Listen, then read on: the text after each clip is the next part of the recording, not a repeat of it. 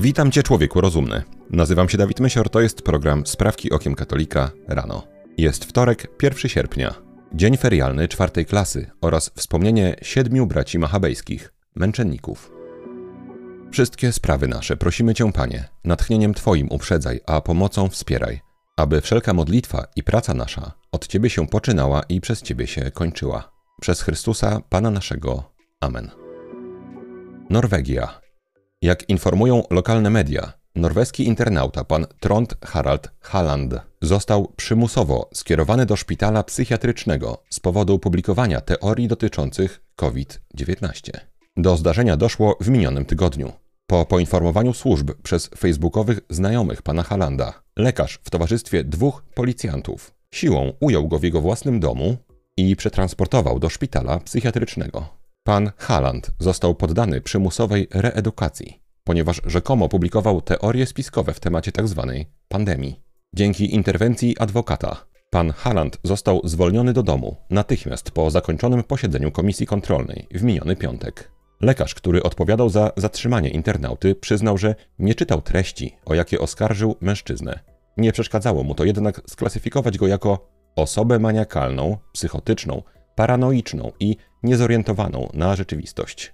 Mój drogi słuchaczu, jeżeli kiedykolwiek oglądałeś jakiś dystopijny film o mrocznej przyszłości ludzkości, w którym jakaś siła totalitarna przejęła kontrolę nad światem, w przyszłości możesz zaoszczędzić sobie sporo czasu i więcej takich filmów nie oglądać. Rzeczywistość przerosła fikcję. Pan Norweg siedzi w swoim własnym domu i na swoim profilu na Facebooku pisze swoje własne opinie na temat pandemii. Puka do niego policja w towarzystwie lekarza psychiatry i zabierają pana do psychiatryka. W roku 2023 jeszcze wystarczyła jakaś interwencja adwokata, ale myślę, że za lat pięć taki niepokorny internauta posiedziałby sobie w psychiatryku trochę dłużej. Podawaliby mu sporo leków i reedukowali, po czym wyszedłby w stanie, w którym nie będzie już pisał takich głupot o pandemii.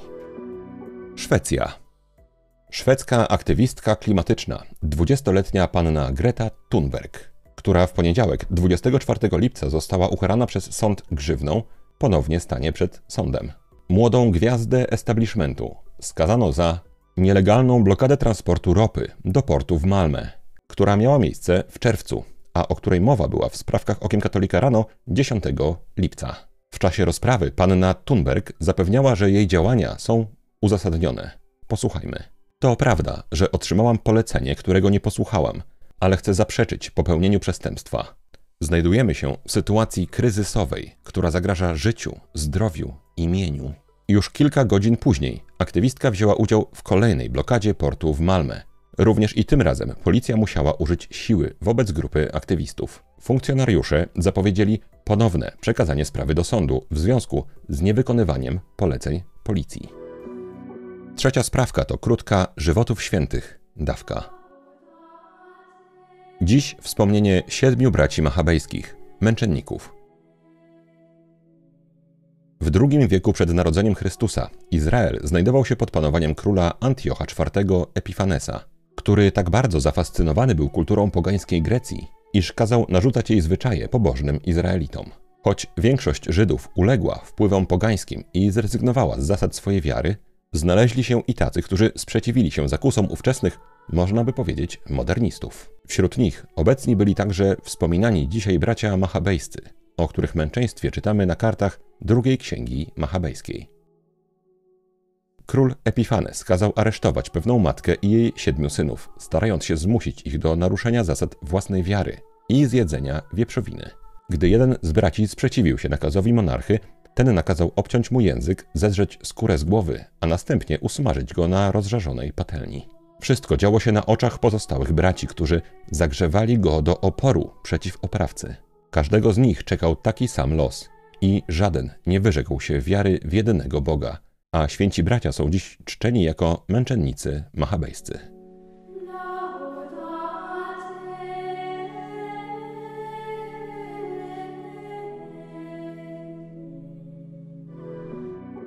Kanada.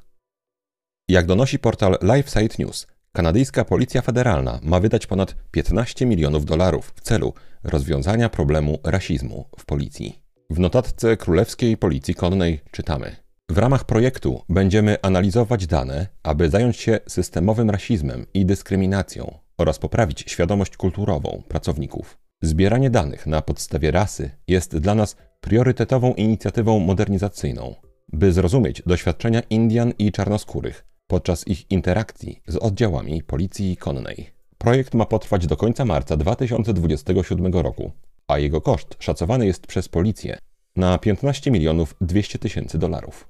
Nie warto mieć żadnych złudzeń, że prawdziwymi pobudkami tego projektu jest jakakolwiek troska o osoby czarnoskóre i o Indian. Na szczęście na razie w Polsce temat walki z rzekomym rasizmem jest dość mało aktualny, natomiast na Zachodzie jest to jedno z kluczowych narzędzi rewolucji jedna z głównych jej sił napędowych. Myślę, że na drugim miejscu, zaraz za ideologią gender. To była sprawka czwarta, a po niej reklama uwagi warta. Ren wpada do Tybru. Pasjonująca historia Soboru Watykańskiego II, autorstwa księdza Ralfa Wildgena. Książkę uwzględniającą dokumenty oraz działania osób i grup, które odegrały kluczową rolę w czasie soborowych obrad, czyta się jak dobrą powieść. Autor, uczestnik tamtych wydarzeń, odkrywa tajemnice jawnych i zakulisowych spotkań i dyskusji.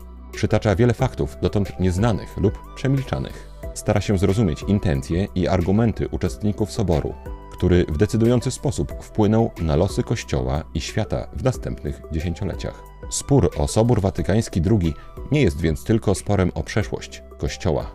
Jest sporem o przyczyny teraźniejszości, a przede wszystkim sporem o przyszłość.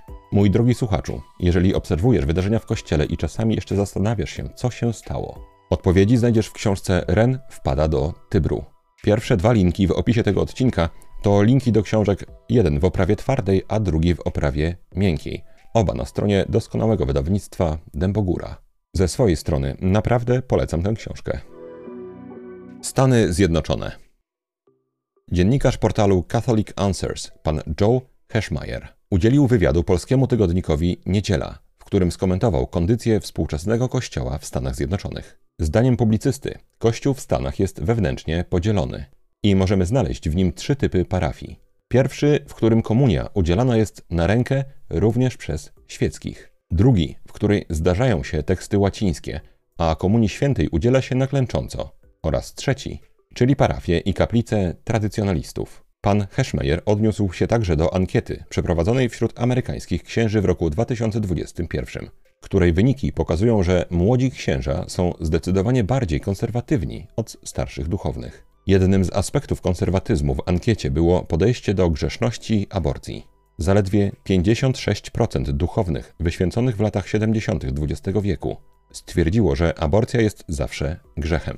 W przypadku księży wyświęconych po roku 2010 odsetek ten wynosił 90%, co jest bardzo optymistyczną informacją.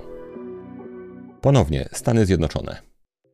Jak donosi amerykańska organizacja pozarządowa New Mexico Alliance for Life, jedna z publicznych infolinii Departamentu Zdrowia stanu Nowy Meksyk przekierowywała kobiety do placówek związanych z tzw. Tak świątynią szatana. Jak wynikło z przeprowadzonego przez tę organizację pro-life śledztwa, finansowana przez podatników infolinia, która miała na celu jedynie udzielać obywatelom informacji dotyczących m.in. stanowego prawa aborcyjnego. Zamiast tego kierowała kobiety do placówek aborcyjnych. Badający tę sprawę byli zszokowani, kiedy dowiedzieli się, że pielęgniarki kierowały również kobiety do świątyni szatana, The Satanic Temple, łącznie z zapewnieniem potencjalnej morderczyni własnego dziecka transportu. Na stronie oddziału usług medycznych świątyni szatana czytamy: Rytuał aborcji służy jako rytuał ochronny. Jego celem jest odrzucenie niechcianych uczuć, które pacjentka może odczuwać w związku z wyborem legalnej i medycznie bezpiecznej aborcji. Polska. Pani Natalia Niemen, polska wokalistka i kompozytorka, udzieliła niedawno jednemu z tabloidów wywiadu, w którym skomentowała swoje życie religijne. Pomimo katolickiego wychowania oraz, jak stwierdziła sama pani Niemen, dziecięcego bzika na punkcie wiary katolickiej, porzuciła ona wiarę w wieku nastoletnim, a w wieku 20 lat została protestantką.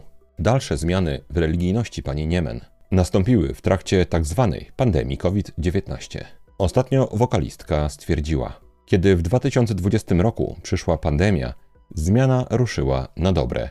Nie zamieniłam Biblii na pisma buddyjskie, Stwierdziłam, że nie chcę mieć żadnego guru. Nie chcę księgi. Muszę w końcu znaleźć siebie.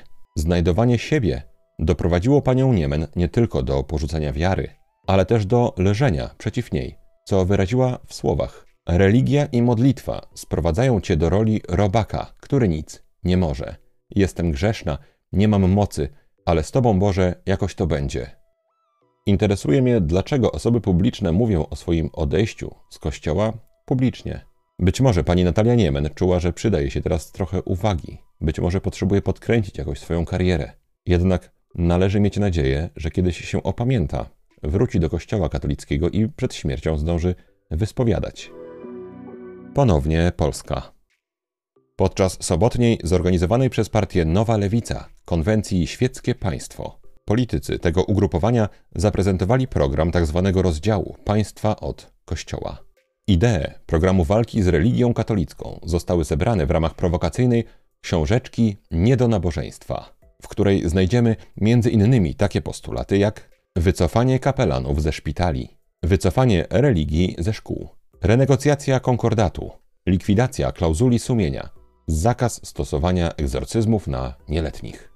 Przedstawiciele lewicy w naszej Polsce, która i tak już jest zupełnie zlaicyzowana i w sumie ateizująca, doszukują się państwa wyznaniowego, co wyraziła pani poseł Joanna Szojring-Wielgus w słowach. W XXI wieku państwo, które jest sprawiedliwe, demokratyczne, powinno być państwem świeckim, a nie dążyć do tego, żeby być państwem wyznaniowym. Ach, gdyby być na takiej konwencji, podsunąć pani Szojring-Wielgus mikrofon i zapytać, dlaczego? Ostatnia sprawka to krótka rozprawka. Wychowanie dzieci. Dziś o stanowczości władzy rodzicielskiej. W ostatnich dziesięcioleciach pojawił się trend osłabiania tej władzy. Pojawiła się wizja rodzica jako przyjaciela, opiekuna i dostarczyciela pozytywnych uczuć. Z moich obserwacji wynika, że wielu rodziców zaczyna przejmować wizję z filmów i reklam. Na przykład w reklamach Dobry tato to taki, co chodzi na czworakach po dywanie, a zachwycone dzieci jeżdżą na nim jak na koniku. W samej tej scenie nie ma niczego złego. Gorzej, jeżeli dla wielu ojców właśnie to zacznie być kojarzone z byciem dobrym ojcem. Dostarczanie dzieciom frajdy przez ojca kumpla. Swoją drogą jest fascynujące, w jaki sposób używa się rozrywki, muzyki, teledysków, filmów, seriali, reklam do zmiany świadomości społecznej. Jeszcze bardziej fascynujący, chociaż również przerażający jest niski poziom świadomości ludzi, że tak naprawdę większość rzeczy, które myślą, wzięło się z rozrywki. Wystarczy w filmach zamieszczać tylko dwa rodzaje rodziców. Zły rodzic, rodzic apodyktyczny i dobry rodzic, rodzic kumpel. Rodzic, który raczej doradza niż wymaga i egzekwuje. Bardzo często zastanawiam się i też badam to w rozmowach z ludźmi. Ilu rodziców dziś jeszcze uważa, że ma prawo do kontrolowania tego, co ich dziecko ma na przykład na telefonie? Mówiąc dziecko, mam na myśli również osobę, która kończy 18 lat dopiero jutro. I z tych moich rozmów wynika taka obserwacja, że rodzice, którzy najgłośniej mówią o prawach dziecka do prywatności, do samostanowienia, to są zwykle rodzice, którzy po prostu już nie czują żadnej siły, żeby ingerować w życie dziecka. Stosowanie swojej władzy rodzicielskiej w sposób odpowiedni wymaga nie tylko uwierzenia, że tak należy, ale przede wszystkim siły, żeby to egzekwować. Dlaczego należy? Znikome lub w zasadzie zerowe szanse na sukces ma firma, której władza jest rozproszona, niejasna, chwiejna, niekonsekwentna. To samo tyczy się każdej organizacji, całego państwa, czy też na przykład armii, zarówno jako całości, jak i poszczególnych jednostek, oddziałów. Bez jasno określonych zasad i władzy będącej w stanie egzekwować przestrzeganie tych zasad, firma nie osiągnie sukcesu w długiej perspektywie.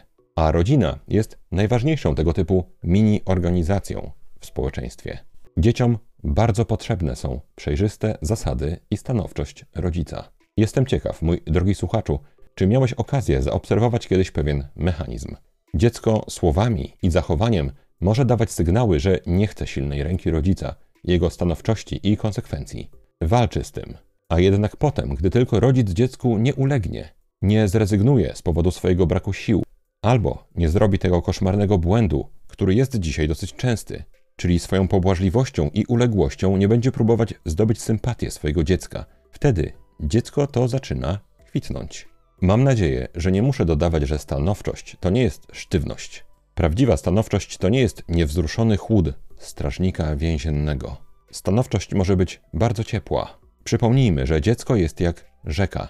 Nie wolno blokować jego nurtu, a jedynie stawiać mu po obu stronach brzegi, czyli zasady i konsekwentne ich przez rodzica egzekwowanie. Wtedy rzeka taka nabiera rozpędu, nie rozlewa się na boki. Mój drogi słuchaczu, proszę, nigdy nie żebraj u swojego dziecka, żeby cię lubiło. Wiadomo, że kochasz swoje dziecko, ale wychowuj je tak, żebyś również je lubił. Miłość to nie jest dawanie drugiej osobie tego, czego ona chce. Miłość polega na dawaniu jej tego, co dla niej dobre. Dla dzieci dobre jest, gdy rodzic jest stanowczy i konsekwentny. Życzę powodzenia i odwagi. Maryjo, posłuż się mną dzisiaj jak chcesz. Wykorzystaj mnie jak chcesz. Byle tylko choć jeden grzesznik zszedł z drogi zatracenia, poszedł do spowiedzi świętej i zwrócił się ku Panu Jezusowi. To na dzisiaj wszystkie sprawki okiem katolika rano. Jeżeli chcesz nam pomóc, daj proszę łapkę w górę pod tym filmem na YouTubie i napisz komentarz. Szczególnie interesuje mnie, co myślisz o dzisiejszej rozprawce. Czy dzieciom potrzebna jest stanowczość rodziców? Jeżeli chcesz wesprzeć zespół Sprawek Okiem Katolika najmniejszą chociaż kwotą, to szczegóły, jak można to zrobić, znajdują się w opisie tego odcinka. Wszystkim bardzo dziękuję. Mój drogi słuchaczu, życzę Ci błogosławionego dnia. Święci bracia machabejscy, módlcie się za nami. Człowieku rozumny, trzymaj się, nie łam się i bardzo Ci dziękuję za Twój czas. Mam nadzieję, że do usłyszenia jutro. Zostań z Panem Bogiem.